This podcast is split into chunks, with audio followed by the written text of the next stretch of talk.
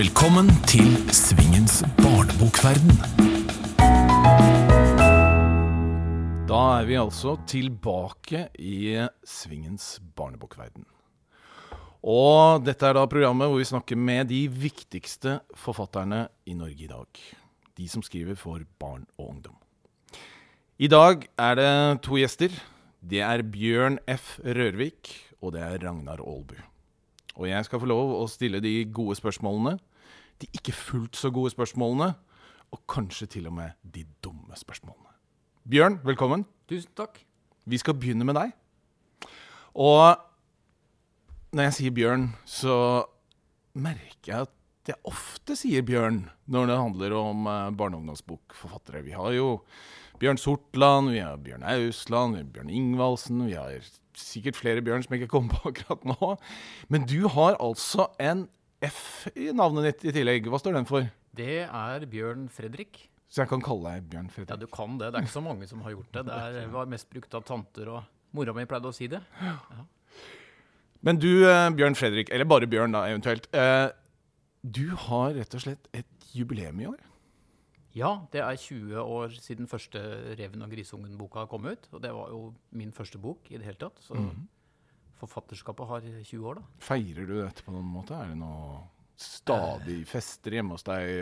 Veldig Du- du, lite fester. Nei, ja. ja. Forlaget har gitt ut en liten samlebok med tre av Reven og grisungen-fortellingene, som heter 'Hurra for Reven og grisungen'. Så det er jo en markering. Mhm. Ja. For når jeg ser litt på uh, bibliografien din, lista over uh, bøker du har uh, skrevet, så er det jo et lite opphold i starten der. Altså, du debuterte jo med denne boka da i 1996. Ja, den første som het 'Reddikaien'. Ja. Den inneholdt fem fortellinger om reven og grisungen og var en sånn type høytlesningsbok. Altså ikke typisk bildebok som de andre er, men bare litt svart-hvitt-tegninger her og der. Den var øh, en ganske liten bok. Og den ble fin, og sånn den. Jeg, var ikke helt 100% fornøyd med den heller. Og så strevde jeg vel kanskje litt med å få til neste historie, tror jeg. Men holdt du på med noe annet i disse årene, eller var det bare fem år hvor du strevde? Nei, jeg hadde jo fortsatt jobba med andre ting, ja. Jeg lagde litt kortfilmer for barn, jobba litt, lagde litt barne-TV, og holdt vel også fortsatt litt på med ja, type bedriftsvideo og sånn for Statoil. Statfjord-satellittene tror jeg var noe av det siste jeg lagde film om. Ja. Men det har jo også blitt en hel serie med Reven og grisungen. Hvor de eh, er figurer i eh, Hvor mange bøker er det til sammen? Det er tolv nå. Tolv, ja. Tolv, eh, egne titler, og så litt sånn samle- og nye utgivelser med nye tegninger og sånn. Men tolv til sammen. Og jeg tenkte jo da jeg starta også, at det skulle bli et eh, ja, et litt rikt univers da, som jeg ikke ble ferdig med med en gang. Som man kunne holde seg litt i. Hva er det som egner seg godt ved Reven og grisungen å skrive mange bøker om? Nei, jeg, jeg liker jo at det er flere typer med det. Flere folk som man er litt nysgjerrig på og ikke blir helt ferdig med. Selv om ikke de forandrer seg så mye fra bok til bok, så, sånn sett ikke har så mye utvikling, så er det nok til at de samme personene ikke trenger å gå igjen i alle bøkene. Da. Selv om Reven og grisungen jo er med som hovedpersoner, så har jeg en, et litt ja, et typegalleri med flere andre som kan brukes litt etter behov. Da. Er det et typegalleri hvor du utvider etter hvert? Dukker det stadig opp nye figurer som skal inn i dette universet, eller er det de samme som får større roller etter hvert? Det er egentlig nok i de fem første fortellingene som i Reddikai-boka. Der er vel alle med. Jeg tror ikke det har kommet til noen nye, annet enn sånn helt perifere ting, altså. Nei, jeg tror alle var der fra starten. Dåsemiklene var der, og Fjompenissen Papp, kua var der. Det er vel de, stort stort Mm. Hender det at du sitter og ler litt selv når du har disse navnene og kommer opp med det? Ah, ikke så veldig, kanskje, men jeg, jeg må jo late som jeg er reven og grisungen når jeg spiller. Altså når jeg skriver. Ikke sant? Fordi jeg, jeg legger vekt på at det skal være muntlig og skal egne seg for høytlesning, og man skal kunne si replikkene på en morsom måte og sånn. Og da må det ligge godt i munnen. og det må passe til karakteren, da. Så jeg vil jo tro at jeg sitter litt sånn og skriver litt sånn når jeg, skriver Fjompenissen sine ting, og litt mer sånn når det er grisungen, da. Ja. Men her sitter vi jo, vi er jo, eh, vi er jo voksne. Vi er jo det. Vi er jo ikke tolv år lenger. Nei. Eh, hender det at du sitter og tenker at ja, dette er litt tullete å holde på med når man er over 50 år? Nei, jeg veit ikke. Jeg er mer litt sånn irritert på de som skifter jobb, ja, og plutselig syns det er kulere å skrive for de voksne og sånn, og det liksom er litt mer status. At det er litt mer sånn hipsteraktig. Jeg har litt sånn for de som brenner for barne- og ungdomsting og holder seg til det, og er fornøyd med det. Og de som står og løper ut, da. Må ha litt staying power, føler jeg. Ja. Ja. Men det er, det er jo morsomt at man kan ha dette som en jobb i voksen alder. Ja, det er flott. Ja. Jeg føler jo at jeg kommer på riktig hylle. Jeg kommer til å holde på med det, tror jeg. Sånn, altså, det er dette her jeg passer til, da. Jeg gjør mye skoleforestillinger også, rundt og formidler, og de to tingene sammen er en veldig bra miks for meg. Så når jeg fant ut at jeg også kunne gjøre formidling, så Ja, da var den som ramla veldig på plass, da. da. Ja, da får jeg på en måte brukt brukt det jeg har av talent, holdt jeg på å si, ja, til litt forskjellige ting. Både sitte og skrive for meg, for meg sjøl, og også være ute og lage litt tull og tøys for, uh, for unga. da. Det er morsomt. Bøkene dine er jo illustrert. Ja, Og eh, vi skal snakke litt om, om med en illustratør etterpå, som sitter her borte i sofaen. Eh, men det er likevel en annen illustratør som vi ikke kommer helt utenom, som du har jobba veldig mye med. Per Dybvik. ja. Og det er fra den første boka. Det er fra første boka. Han har tegna alle Reven og grisungen-bøkene. Og det var jo litt tilfeldig at, at det ble han. Det var jeg og redaktøren satt og, og kikka gjennom gamle bøker som hun hadde på kontoret, og skulle finne en som kunne tegne rever. Og Per Dybvik hadde tegna en katt da, som vi syntes så veldig så bra ut. Katten på Sjørøverøya, tror jeg. Så sendte vi manuset til han, skulle få et forslag på noen tegninger. Så kom det noen skisser i posten etter hvert, og de syntes vi var fine, og så ble det dem. Men når han tegna det som ble tegningene i boka, så ligna han jo ikke på skissene i det hele tatt. Jeg tror ikke Per Dybvik er en fyr som sitter og skisser veldig mye. Jeg tror han bare går på og tegner med masse energi og, og futt rett på, uten å sitte og fintegne noe på forhånd. Han er ikke sånn som først lager omriss og så fargelegger pent inni. Han tror han bare ja, presser alt ut i blyanten med en gang, uten å planlegge altfor mye. Men han har jo en veldig karakteristisk strek. Og han blir jo brukt i en del andre barnebøker Ja, også. han Svein og. Rotte. Og... Svein og Rotta, Dr. Proktor, ja. Samson og Roberto. Mhm. Ja. Hva er det han, du syns han gjør annerledes i dette universet? Han prøver nok å tegne forskjellig fra univers til univers, det tror jeg. Så det, men akkurat hva, hvordan han gjør det, det skal jeg ikke si. Men han, han klarer å holde ting litt fra hverandre, så det ikke blir helt likt. Samtidig som streken jo er gjenkjennelig, selvfølgelig. Det er sånn at eh, hvis man har en ny bok i år, så syns jeg at man skal få et minutt til å fortelle hva den handler om, og på en måte gjøre en liten reklame for den. Men med deg så har jeg tenkt å gjøre det litt annerledes. Ok, ja. Fordi dette er ikke noe høytlesningsprogram. Men med deg så gjør vi et unntak. Og grunnen til det er at jeg mener at du er den som leser fra bøkene sine aller best i Norge. ja tusen takk. Og du har en eh, ny bok som heter Vaffelfisken. Ja, Eh, bare først, hva er en vaffelfisk? Vaffelfisken er en fisk som reven og grisungen får se bilde av i en fiskebok som de har lånt på biblioteket. Og de, det står at den lever i ferskvann. Og de har jo ferskvann i nærheten av der de bor. Så de, ja, de rasker sammen noe litt tvilsomt fiskeutstyr og går for å se om de kan få tak i en sånn vaffelfisk. For det står i boka at den er veldig god med syltetøy på. Ah, ja. Da fikk du jo også fortalt litt om den. Bra. Men det jeg gjerne vil, er jo da at du skal rett og slett lese litt fra den boka. Ja, Mhm. Du kan velge selv hvor du vil eh, lese fra. oi, hva var det? Hva skal vi ta da? Ta gjerne et med litt forskjellige stemmer, er det. et forskjellige stemmer. Ja, vi kanskje bare ta begynnelsen. For jeg vil jo gjerne at lytterne skal få et eh, For de som ikke har opplevd det, skal få et lite innblikk i eh, hvordan eh, Bjørn Rørvik lever seg inn i bøkene sine. Da kjører vi på. Vaffelfisken. Reven og grisungen lå i gresset utafor revehiet og kikka i ei bok. Det var ei fiskebok som reven hadde lånt på biblioteket. Grisungen kunne ikke lese ordentlig, men han likte å se på bildene. Hva er det for en fisk? spurte grisungen. Det er vaffelfisken, sa reven. Den hører til flyndrefamilien, du ser at den er litt flat. Vaffelfisken var rutete og ligna på et hjerte. Den er sikkert god med syltetøy. Under bildet sto det noen bokstaver. VGMS sto det. Lurer på hva det betyr, tenkte reven og leste litt til. Ja, ropte han plutselig. VGMS, det betyr veldig god med syltetøy. Kan du lese, eller? Jeg bare så det, smilte grisungen. Bla videre. Fiskene på neste side var ikke like fristende. Gurglefisk, leste reven. Og busemort, også kalt buselort. Blæ, sa grisungen. Og dobbeltflabb, sa reven. INS, ikke noe særlig. Blæ, blæ. Hele boka var full av fisk og sjødyr. Men ingen var så fine som vaffelfisken. Den var liksom så fristende. Kan vi ikke se på den vaffelen en gang til? Joa, sa reven. Jeg skal bare vise deg noe først. Reven fant fram til kapitlet om sjødyr. Se på den, du, sa reven. Bartenøkk. DS. Dypets skrekk. Bartenøkken var uhyggelig. Den hadde en nifs bart og brune tenner og var så stor at den gikk over to sider. Bartenøkken har enda en forkortelse, sa reven. Den har DS, dypets skrekk.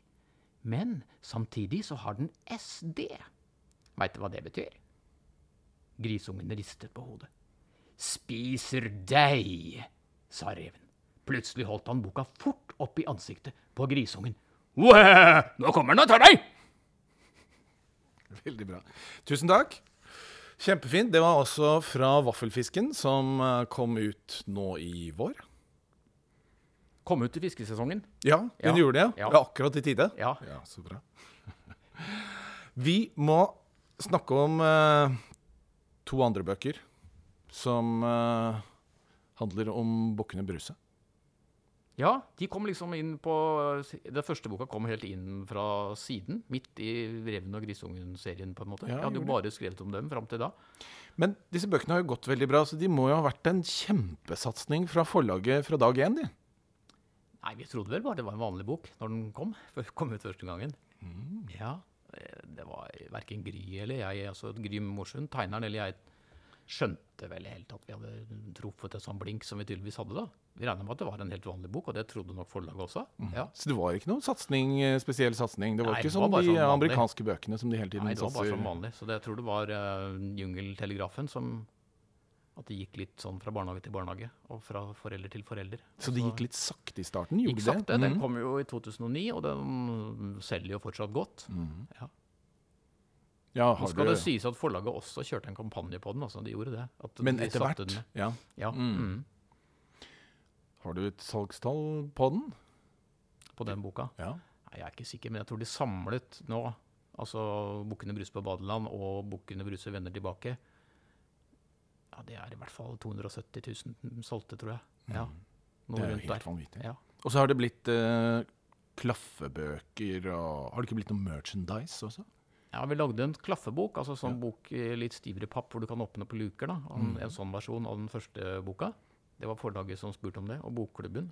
Jeg syns vi kanskje først tenkte at det ikke ble, ble så veldig morsomt, men så begynte Gry og jeg å drodle litt på det og satt og Hva kan vi ha i luken her, og hva, hvordan kan vi gjøre det? Så, ja, så så vi at det kunne bli litt annerledes, og at det faktisk var litt morsomt da, å jobbe med. At det kunne bli en bra bok. At det ikke bare ble for å selge enda litt bøker. Ja. Ja. Så det blir teaterforestilling. Blitt teaterforestilling. Ja. Og har det blitt sånn sengetøy som du sover i om natta og sånne ting? Eller Nei. matboksen Nei, du har med deg nå? Nei, det har ikke det. Nei, det har ikke, det har ikke gått så langt. Nei. Du håper på det, kanskje? Ja, vi, setter ikke foten ned, i hvert fall. Nei. Men teatret har vært veldig gøy. Det er flere teatre som har satt opp de bøkene. Men nå er det Riksteatret som er uh, ute på uh, veien med den, har vært. Og så går den på Oslo Nye. Mm.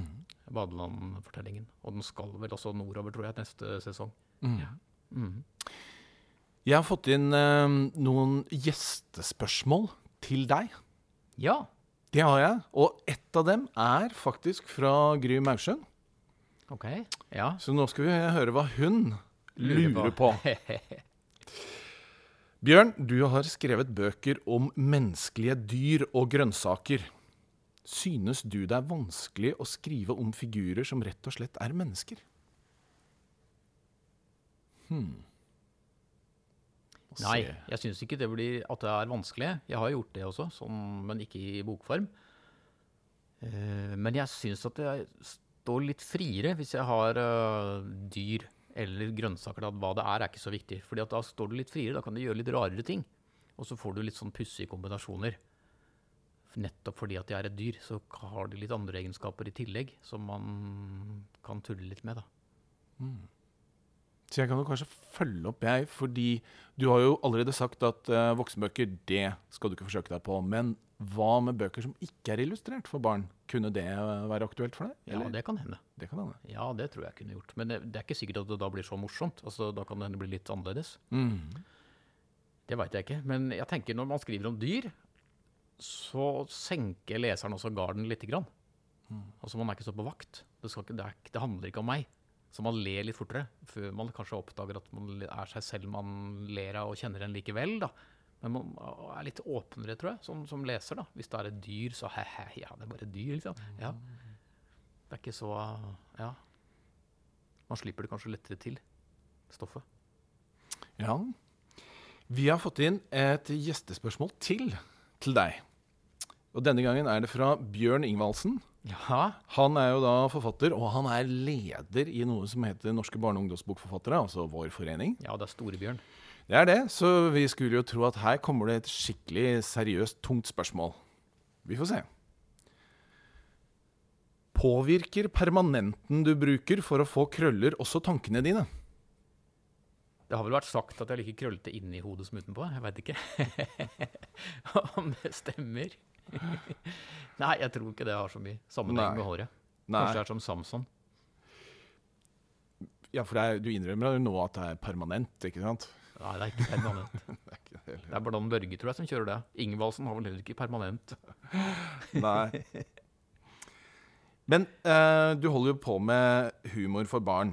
Uh, når jeg er rundt på skoler og snakker om morsomme ting, så ler de jo av helt andre ting i første og andre klasse enn de gjør i tredje, fjerde, femte. Altså Humoren utvikler seg veldig fort i løpet av disse barneårene og Ja. blir litt grann mer sofistikert for, for hvert år. F.eks. noen av ordspillene forsvinner helt eh, blant de yngste, mens kommer til å sitte som et skudd blant de som er litt eldre. Ja. Og så er det noen av dem som syns at enkelte eh, morsomheter blir kanskje litt bløte når de blir eldre. Absolutt. Hvordan ja. synes du det er, eh, Hvilke utfordringer ser du rundt det å skrive humor for barn? Nei, um, Det kan jo være vanskelig å treffe helt fra mm, seksåringer og opp til eh, femte trinn, kanskje. Men jeg tenker at bøkene jeg har lagd, er litt forskjellige også. Bukkene Bruse-bøkene øh, treffer en litt yngre målgruppe. Fra tre-fire oppover, og så stopper kanskje på andre klasse. Mens Reven og Grisungen passer fra ja, første, andre, tredje, fjerde. Kanskje med kjernegruppe andre og tredje. Mens Purredetektiven, da, Purre, mesterdetektiven, Purjå, kanskje treffer aller, aller best på fjerde og femte trinn. Og de er jo litt forskjellige i stilen, samtidig så er det jo overlapp der. Og ungene jo, står jo ikke på samme nivå heller, selv om de står i samme klasse. Altså Noen er jo tenker jo kjappere, har større ordforråd og tar kanskje humoren eh, som er i Puriå, selv om de går i første klasse, ikke sant? Mens andre henger litt etter, da. Så man finner jo alltid noen som ler av de dårlige vitsene òg, fortsatt. Sånn på femte klasse. Ja, for det er jo Ja. veldig forskjellig eh, utviklingsnivå innenfor hvert klassetrinn. Ja, det er det der. ja, Mhm. så det er ikke sånn Det er ikke veldig homogent. Men ser du på en måte for deg en aldersgruppe når du skriver eh, disse bøkene? Nei. Nei. Nei, jeg gjør ikke det. Men det må liksom rime innenfor det universet det er, da. Mm. Det hører til. Ja. Men jeg prøver å skrive for, for barn. Det, synes jeg, er- det er jeg veldig bevisst på, at jeg skriver på en måte for et publikum. da. Jeg skriver ikke mm, bøker liksom for voksne eller for eh, Men er det, er det bonus at de voksne også ler av noen av, eh, noe av humoren? Ja, for eh, jeg skriver jo også for et høytlesende publikum, altså hvor foreldre skal lese for barna. Og da tenker jeg at det er morsomt at det treffer de voksne også. Det er klart. Da blir boka mer brukt, og lest kanskje mange ganger. Og så må det være slitesterkt, da. ikke sant? Det, det er ikke som Ja, det er på en måte hverdagslitteratur. ikke sant? Det skal leses mange ganger. Høyt for barna. De får jo litt sånn dilla på en bok, kan få, eller på et univers. da. Kjenner jeg godt til. Og da er det Lese sånn om og om igjen. Ja. Ja, og da er det jo ikke sånn som Knausgård, kanskje, hvor du leser uh, boka én gang, eller kanskje bare halve boka. Hvis, er, hvis vi snakker om sekseren. Men det er ei bok som kanskje skal leses 50 ganger i løpet av et halvt år. Og kanskje mer enn det også. Og da, da er det jo greit om det er litt morsomt, og at det er litt eh, såpass mange lag både i tekst og bilder, at du som forelder ikke blir lei med en gang, da. Men du sa at du var også litt krøllete inni hodet. Hva slags arbeidsmetode har du? Altså, Hvordan er det du jobber? Er det også på en litt krøllete måte? Det skjer litt her og der og når som helst? Nja, jeg jobber nok ganske strukturert, sånn står opp og setter meg til å skrive, ja. Og jobber fram til tolv med skriving. Selv om jeg er blitt litt mer fleksibel. Klarer å jobbe litt til andre tider òg. Men jeg må helst sitte hjemme og skrive. Skriver ikke på hotell og sånn når jeg er ute på, på formidlingsturné. Det blir bare dårlig hver gang. Ja, så det har jeg slutta med. Men vi er jo fortellere. Altså, vi forteller historier. Og jeg har eh, utfordra deg litt til å komme med en eh, liten anekdote fra forfatterlivet. Ja, det var det. Jeg tenkte jeg skulle fortelle om en gang jeg var på forfatterbesøk på en skole oppe i, oppe i Romsdal. Det var et ganske stort publikum. Det var første til sjuende eller første til tiende trinn. Det var ganske mange. Et par hundre stykker, tror jeg. Skulle jeg ha forestilling for dem, og begynte, begynte da, så sier jeg jo litt om det å være forfatter og sånn først, som kanskje kan være litt kjedelig for de små. da. Så ser jeg på første rad, så sitter førsteklassingene. Der er det en fyr som sitter litt rolig på stolen. da. Ola han sitter ikke helt rolig, men han samtidig han forstyrrer ingen, så jeg bare lar han holde på. Tenker at ja, jeg hanker han inn når jeg begynner å lese høyt fra boka og vise bilder og sånn, så, så går det seg til. Det gjør det for så vidt, da, men så ser jeg etter hvert som jeg er i gang med å lese også, at han strever med et eller annet. Det er noe han har, han har gjort en liten tabbe. Han har nemlig klart å åle seg sånn halvveis ut av stolen, sånn mellom ryggestøet og setet, på en gammeldags uh, klasseromsstol. da. Så ser jeg at han kommer ikke fram igjen. Han har satt seg fast. Han kommer verken ned, for det er for trangt at han kan rygge ut gjennom hølet. Han kommer seg heller ikke opp igjen på setet. da. Så der sitter han fast, og ser han strever mer og mer. da. tenker nei, jeg får bare stoppe, og så ser jeg ikke får hjelpe ham på en eller annen måte. Så stopper jeg, da. Klarer ikke å få han ut. Og så kommer det lærere til og sånn, da. Og de klarer heller ikke å få han ut. For da er det noe buksa hans er for svær. Det er litt sånn seggebukse med litt sånn svære lommer og sånn. Så de klarer ikke å dra han opp igjen. Og han er på en måte for tjukk til å bli dratt ut bakveien. da. Så det ender med at han ble båret ut da, av fire lærere mens han sitter i stolen sånn gjennom hele salen. da. Folk klapper og sånn på vei ut. Så kommer han inn igjen etter ti minutter, og da er det sikkert måttet ta av buksa, tenker jeg, der ute. Og så bare for å dra den ut i bare underbuksa, så kledde på han igjen og sendte han inn. da. Så kommer han inn igjen, da, helt ubesværet selv. da. Han gjør ikke noe nummer, han har ikke noe flau eller sånn, bare går og setter seg helt foran igjen. Mens alle klapper, da. Det er veldig bra. Og setter seg helt fint og hører ferdig, liksom. Og det var det. det var. Ja, dette er fra, det, fra livet som uh, turnerende forfatter. Ja, Det er jo mange av oss uh, som har gjort mye rundt på skoler. ja. Du gjør det fortsatt? Jeg gjør det fortsatt. Jeg trives veldig godt med det òg. Det er klart, eh, innenfor en Kan ikke være altfor mye, men eh, jeg syns det er gøy. Og jeg vil komme til å savne det veldig, tror jeg, hvis jeg skulle slutte med det. Men du trives uh, med den delen, å være i et klasserom. Hva med Ja. livet rundt? Bo på triste hotellrom og spise på kinarestaurant og Ja, det er til å leve med, syns jeg. Man Ja. kan jo gå litt tur og sånn. Det er jo stort sett småtrinn jeg er på, så jeg er ferdig tidlig på dagen. Ja, Så, Så er du veldig glad i kinamat. Favoritten din. Nå skal vi få inn en eh, gjest til. For vi har nemlig Ragnar Aalbø sittende borte i sofaen, og nå kommer han bort til eh, mikrofonen. Velkommen, eh, Ragnar. Tusen takk. Ja. Og dette passer jo veldig fint at dere er her begge to, for dere har jo da gjort bøker sammen.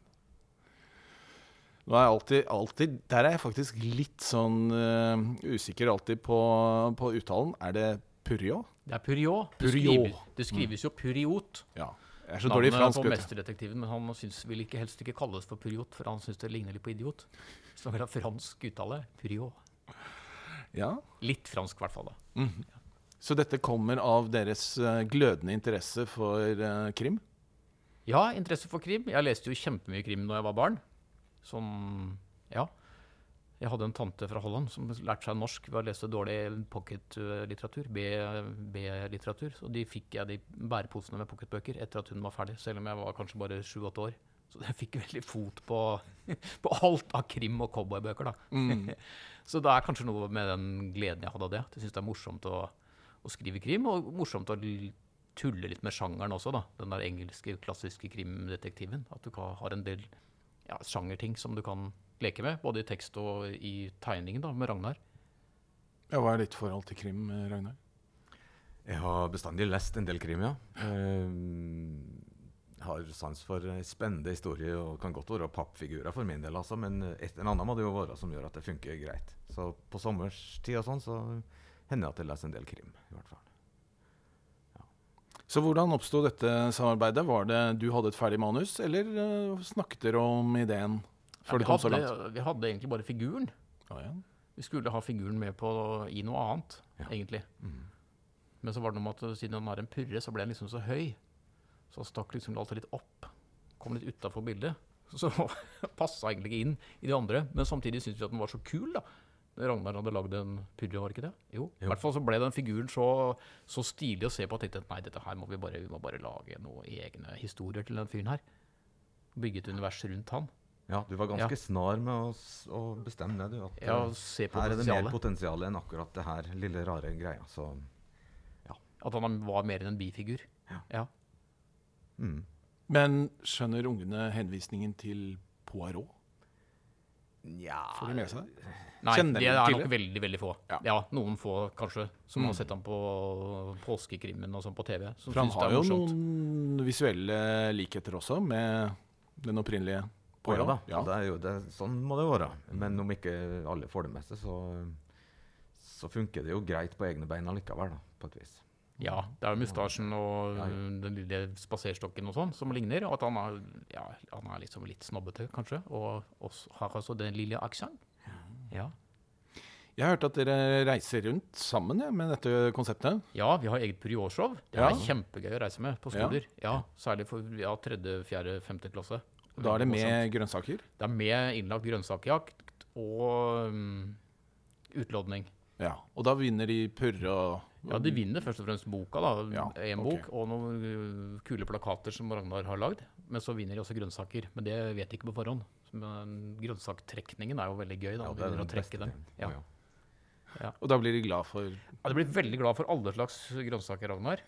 Ja. Det. Det er det som er så kult. Og eh, da er jeg på en måte eh, Altså, det her er min anekdote, da. Hvis jeg kan ta den bare først som sist. Ja, kjør i vei. Eh, for eh, har jo da den der utlåninga. Og de, er så, de har fått bøker og de har fått eh, plakater, og så er de liksom fortsatt gira på lot, lot, eh, lotteri. ikke sant? Og da kjøres i gang grønnsaker. Og, og epler og gulrøtter og sånn, det funker jo fint. sant? Og blir glad for å vinne gulrot. Men eh, det som er ordentlig kult, er jo når de blir kjempebegeistra for å få en løk og en eh, reddik og en purre og sånn. ikke sant? Altså, De der litt rare tinga, de er, de, er kjempebegeistra for, for å vinne.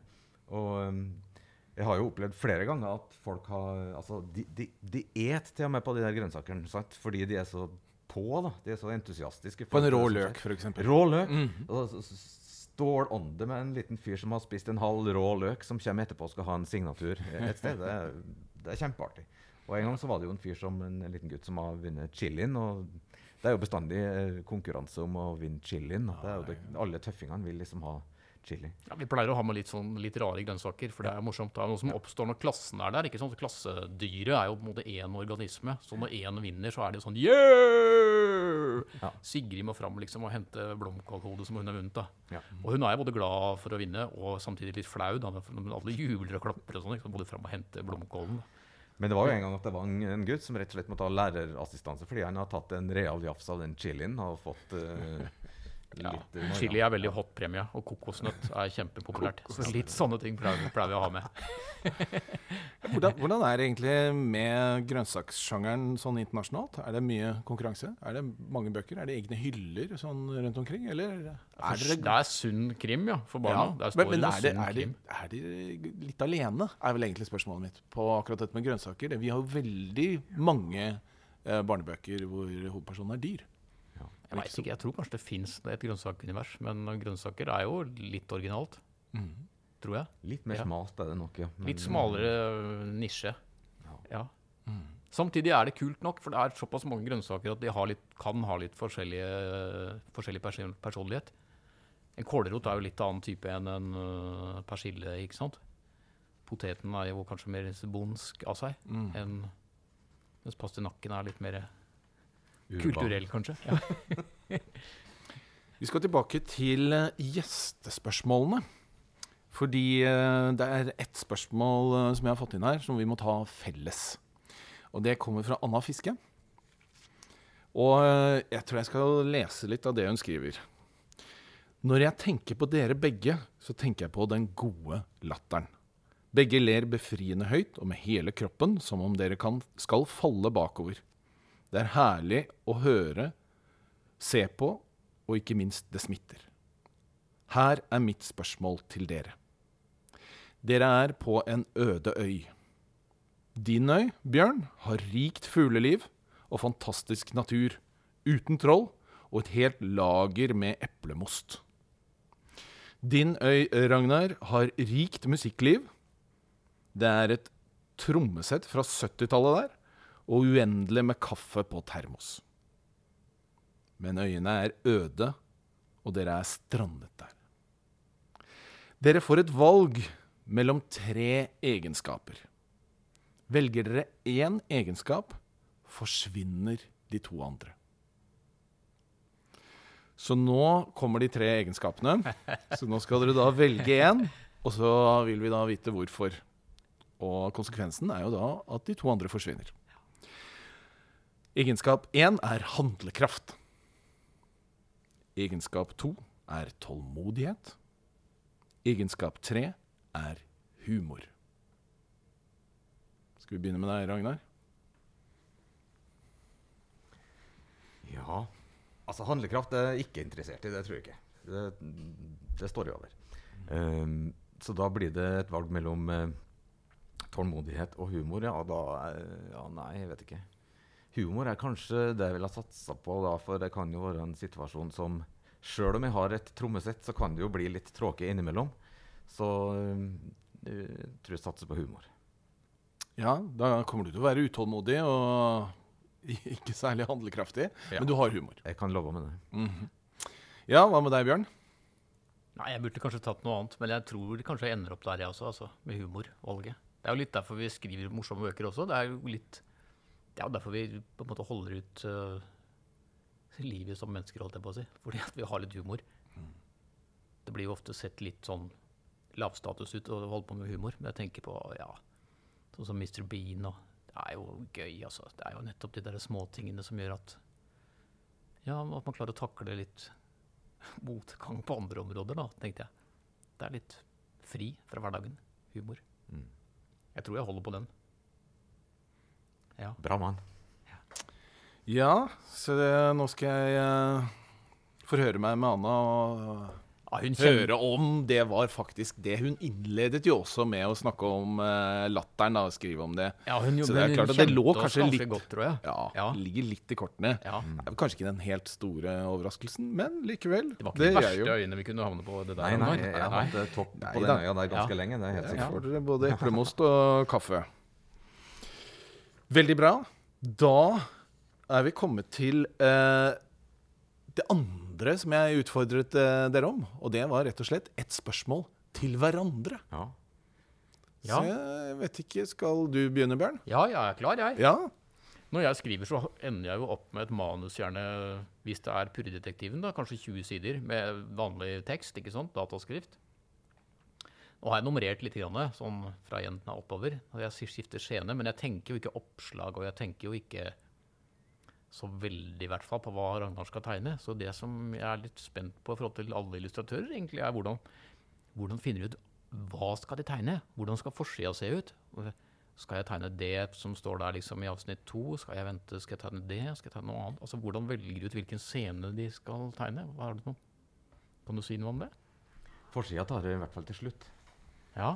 Ehm, og eh, sånn underveis så er det jo eh, flere ting. Altså Jeg må jo prøve å spre illustrasjonene jevnt utover, sånn at det ikke kommer uh, ja, fem stykker på rappen, og så går det 30 sider før neste. og sånn. Det går jo ikke. sånn at Jeg må spre det litt utover. Ja. Samtidig finne de plassene i tekster som har uh, et potensial der jeg ser at her, her her, det, her er det naturlig å, å lage en illustrasjon. Altså, Men ser du at at mangler det noe i teksten? Føler du liksom at det, her kunne jeg liksom fylle inn, og her er det plass til meg?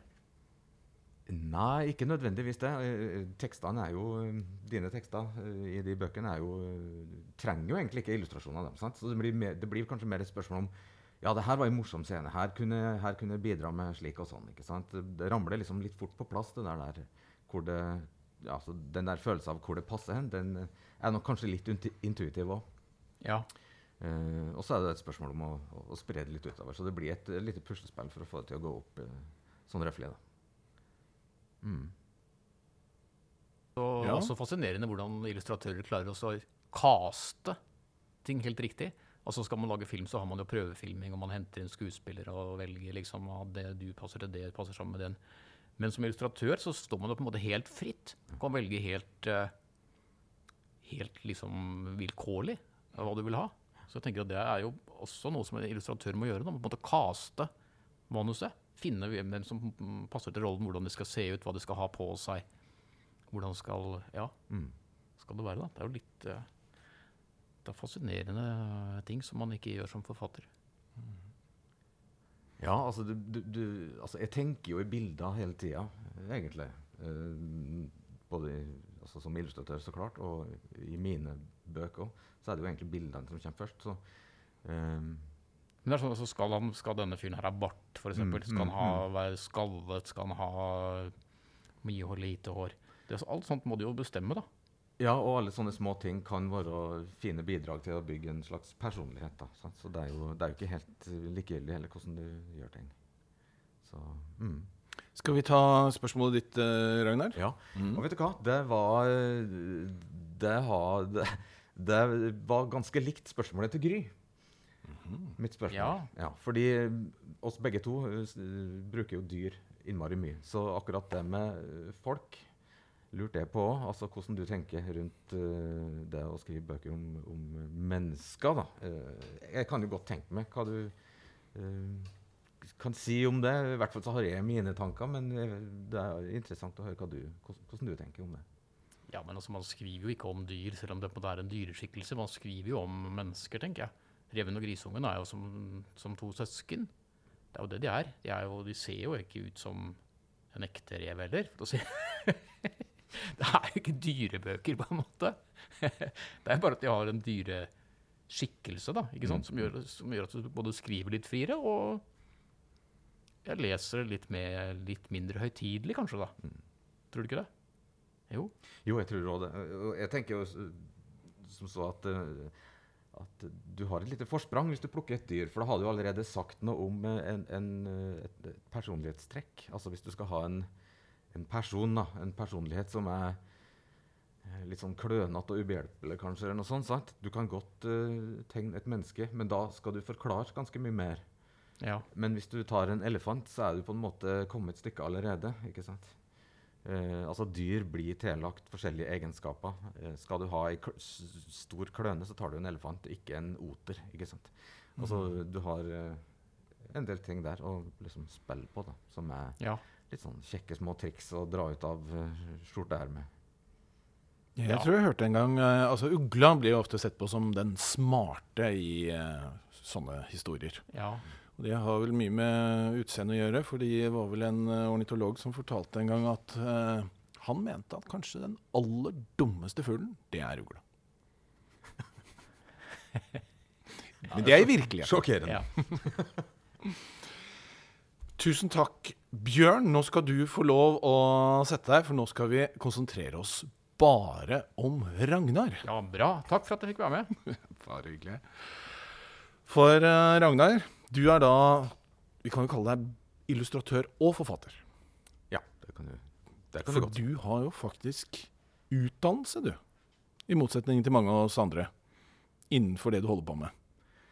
Som illustratør, da, i hvert fall, så har jeg jo det. Og det, det var jo min innfallsvinkel til bokbransjen, det kan du si. At, eh, at jeg jobba med illustrasjoner og kom inn den veien. Så jeg har jo fortsatt litt trøbbel med å, å si at jeg er forfatter. Det er mer, det er mer et sånt uhell som skjedde underveis. Det, for, eh, Min faglige identitet er i bilder, rett og slett. Og de forfatterne jeg kjenner, som er si, ordentlige forfattere, eh, tenker jo tekst. Er tekstfolk primært. Og det, der, der er jeg ikke i det hele tatt. Så på engelsk opererer en jo med både writer og author som, som begrep. Og jeg skal gjerne ha hatt et litt annet ord i tillegg til forfatter på norsk, altså. Som har vært litt mer sånn Gått mer på det opphavsrettslige eller noe sånt. For um, å kalle meg forfatter, det sitter litt langt inn.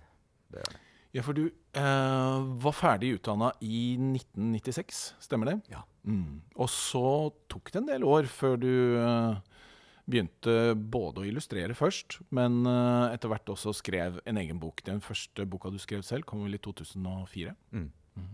Så hvorfor var, var det en gradvis prosess etter at du hadde utdannet deg? Gikk du i andre retninger i starten? Var det, hva var det som skjedde? Jeg gjorde vel sånn som de fleste gjør, at uh, du hiver det over det du kommer borti, og prøver det på litt forskjellig. Og mange av oss som gikk ut fra skolen, havna jo på de mest tilfeldige plasser etter hvert pga. de erfaringene vi gjorde oss uh, de første åra der.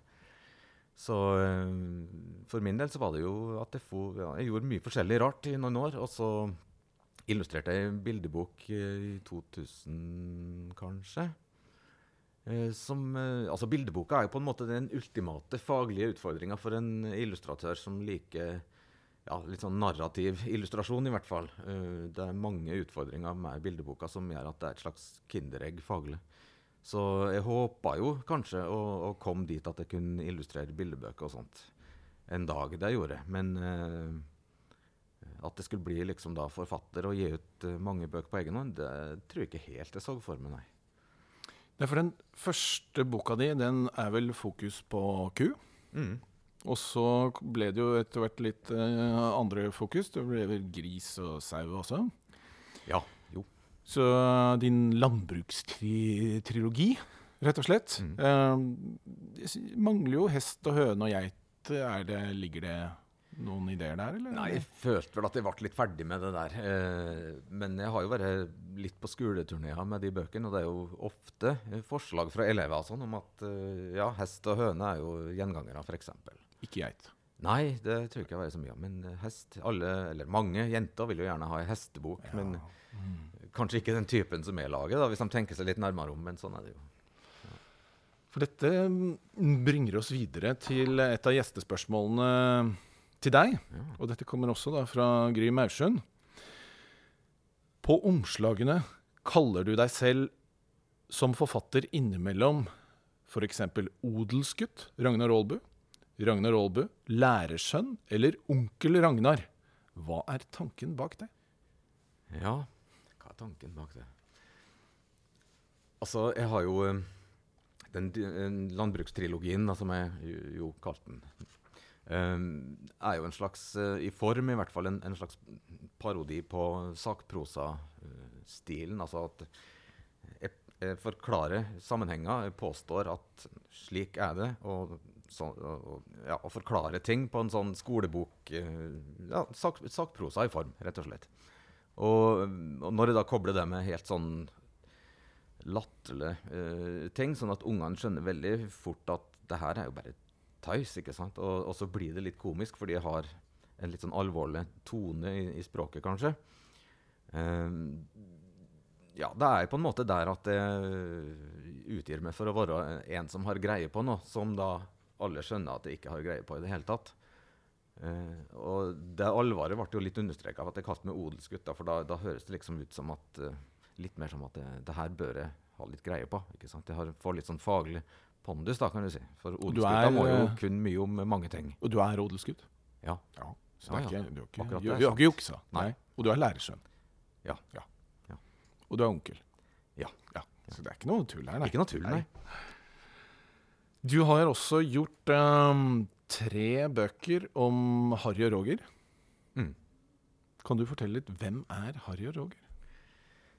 Ja, altså det er jo kanskje mitt uh, forsøk på å være litt alvorlig, kanskje, da, de bøkene der. Uh, jeg har jo tenkt at jeg har, det, har, har jo alvor i meg òg, så på et eller annet vis så har jeg tenkt at det må jo komme ut i, i bøkene mine. Og det er vel det nærmeste jeg har kommet, sjøl om det er humoren ligger jo mm, for så vidt godt uh, tilgjengelig der òg. Men de to der er jo to litt sånn uh, ganske forskjellige typer som uh, ja, av geografiske årsaker jeg på å si, er avhengige av hverandre. Og han ene er jo en litt stor og trygghetssøkende, robust type, mens han andre er liten og kvekk og oppfinnsom og Ja. Men til sammen så har de jo da en viss sånn meningsfull sosial dynamikk. Og så er de kanskje litt engstelige begge to for det som finnes utafor den sfæra de opererer i. Ja. For det er jo ofte en balansegang mellom humoren og alvoret hele tiden i bøkene dine. Og det eh, kan jo også lede oss litt videre til eh, neste gjestespørsmål, som eh, kommer fra Bjørn Ingvaldsen. Som igjen altså er leder i Norske barne- og ungdomsbokforfattere, så her forventer vi seriøsitet og nesten litt høyttravende spørsmål. Skal vi se. Hva synes du er den flaueste blødmen du har servert i bøkene dine? Hilsen Bjørn. Ja Ja, nei ja.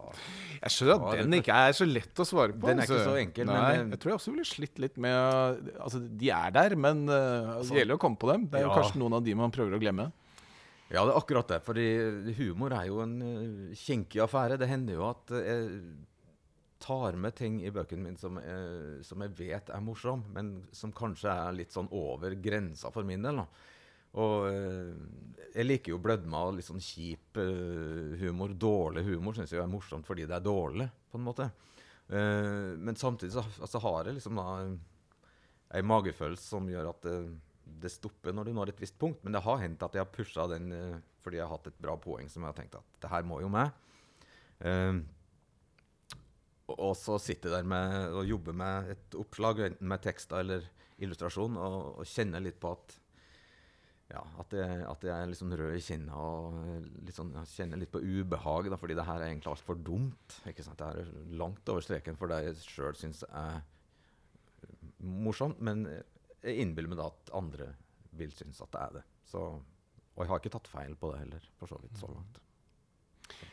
Nå er jo dette et, eh, en podkast, så vi kan ikke vise fram illustrasjonene dine til eh, lytterne. Men det er jo mange som kjenner dem. og du vil jo si at du har en veldig karakteristisk tegnestil. Ganske lett gjenkjennelig å se at det er uh, bøker som uh, har din signatur på seg. Mm. Eh, hvis du skulle bruke ord på å beskrive tegnestilen din, hvordan ville det høres ut? Å ja, altså, Det er jo vanskelig, vet du. Fordi jeg, jeg sjøl har ganske bestemte og klare oppfatninger om andre illustratører, hvordan de jobber. Altså, jeg kan lett forstå og forholde meg til til det, til det de gjør, sånn stilmessig og, og estetisk. Men å vurdere meg sjøl sånn, det er litt mer vanskelig. Jeg skjønner ikke helt uh, Jeg vet ikke helt hvor i, i landskapet jeg, jeg, hører hjemme. Men jeg jobber jo da ikke med strek. Uh, det er vel kanskje en veldig karakteristisk ting med mine greier. At det er flater og farger og, og sånt noe som, som, bygger opp bildene, og ikke så mye strek. Og så er det jo noe med kanskje uh, mimikk og, og, ansikt på de karakterene jeg har, som er litt gjenkjennelige, kanskje. Uh, ja Det virker på meg som om mange illustratører i dag jobber en del digitalt. Uh, det er noen som er veldig old school. Uh, hvordan hva, er det med deg? Jobber du mye Ja, men pendelen har egentlig snudd. Den er mitt inntrykk, i hvert fall. Ah. Fordi det var, For noen år siden så var det Så skulle liksom alle over i å jobbe digitalt. Og det må jeg jo si at det skjønner jeg jo ikke i det hele tatt. fordi altså, hvis, du er, hvis, du er, en dyktig illustratør og har en teknikk som funker, så, um, så, er det fint, det. Du trenger jo ikke å jobbe på en datamaskin for at det skal være bra. Slett ikke. altså Snarere tvert imot, vil jeg si. Fordi det er mange som har vært bra på å jobbe med uh, ja, teknikker på papir og den slags, og så gått over til datamaskinen. Og så har det, har det ikke blitt noe særlig bra av det. Så, men for min del så, så jobber jeg jo mest digitalt. Jeg gjør det. Og det eh, handler nok om at jeg har jobba mye med forskjellige tegneteknikker tidligere, og uten å helt få det til sånn, sånn som jeg ville ha det. Men når jeg da begynte å jobbe digitalt, så var det noe som løsna, og jeg fant, fant den plassen jeg ja, hørte hjemme, kan du si, teknisk. Shit. Og det at det er digitalt, det vet jeg ikke om jeg er så kjølevektig, egentlig, men uh, det var liksom bare der jeg havna, så løsna det, og jeg følte at nå fikk jeg til å, fikk jeg til å bli sånn som jeg ville ha det. Og um, ja, da var det jo bare å holde seg fast til det, på en måte. Men jeg, ikke stoppe opp av den grunn. Jeg driver jo fortsatt og forandrer litt på det jeg driver på med. Og fra bok til bok eller fra år til år så er det liksom noen nye småting. jeg- Så jeg sørger for å holde meg i bevegelse, da, for ellers er det jo eh, det, Ja, det må en jo gjøre, rett og slett. Mm. Du illustrerer jo litt for eh, andre forfattere. Ja. Er det sånn at du ser etter spesielle tekster som du føler uh, dine illustrasjoner regner seg for? Eller er det litt tilfeldig ettersom hvilke tilbud man får? Det er tilfeldig, ja. Men de tilbudene jeg får, er jo stort sett basert på at folk ser noe i bildene mine og i den teksten de har framom seg, som, som er en potensiell match. da.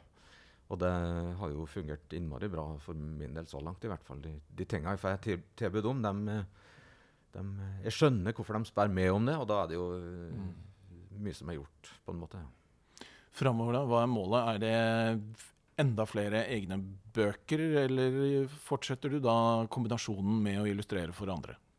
Begge deler. Altså, Nå har jeg hatt eh, Hvert år så har jeg hatt ei bildebok eh, på, på egen hånd.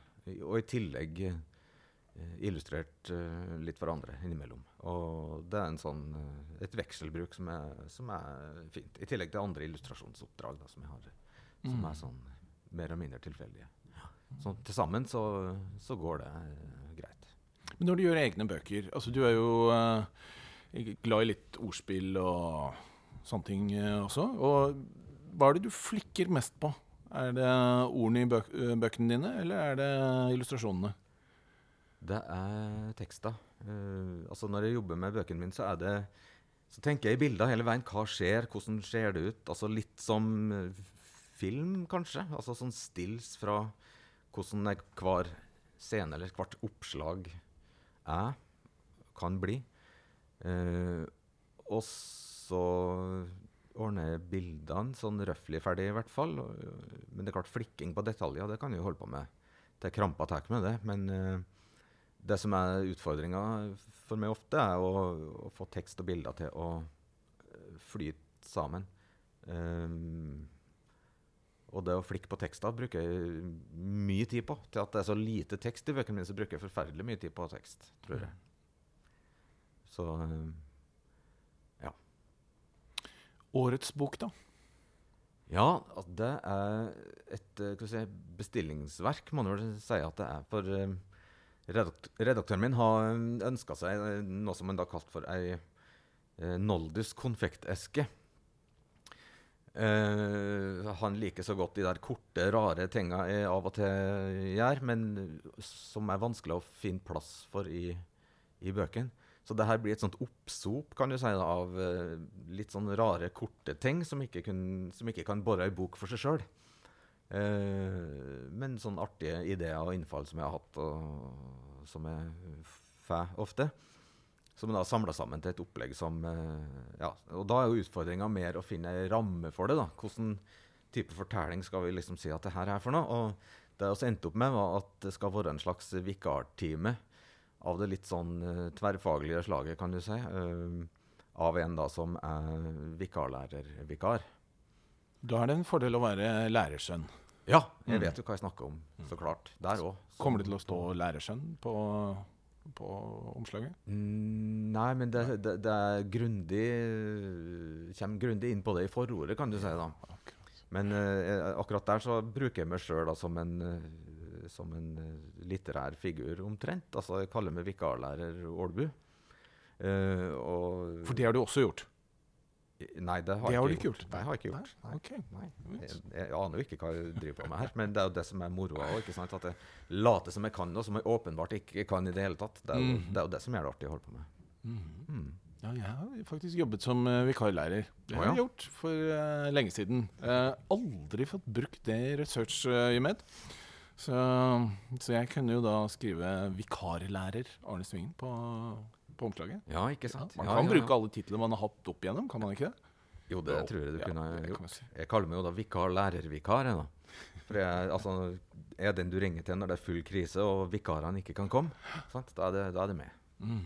Som stiller med krisepakka mi, da, ikke sant? som er faglig tvilsom, men, men liksom eh, underholdende. Mm. Men 'Krokodille i treet', den kom da i fjor. Ja. Og den har gått uh, bra, har den ikke det?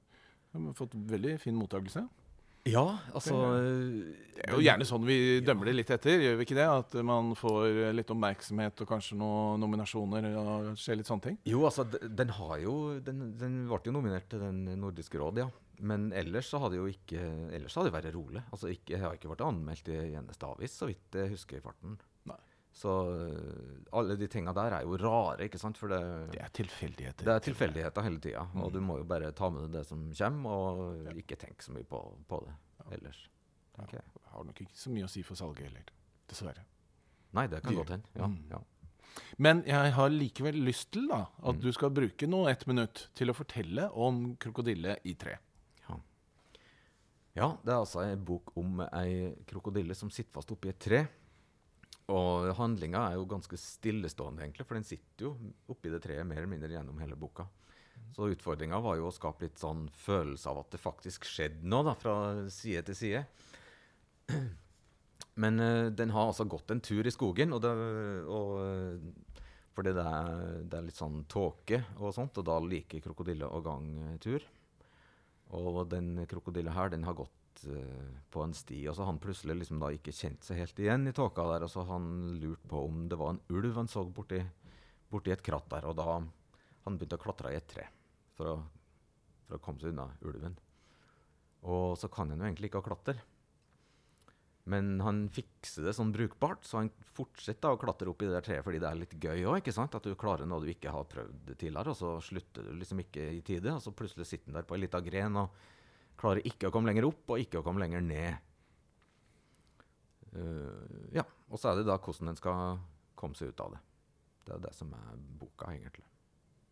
Han klatrer jo da opp etter hvert. da. Han klarer å klatre oppover, men han uh, klatrer ned går ikke. sant? Så det er jo et dilemma. da, om Hvis han klatrer lenger opp enn han allerede er, så kan det jo bli enda vanskeligere å komme seg ned etterpå.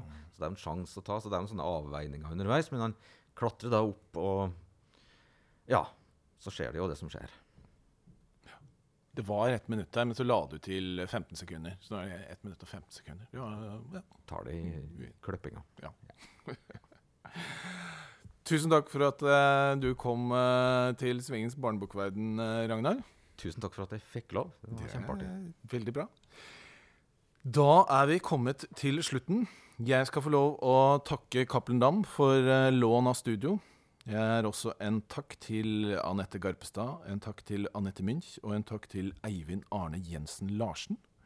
Og om en måned så er jeg tilbake, og da har jeg to nye spennende forfattere på besøk.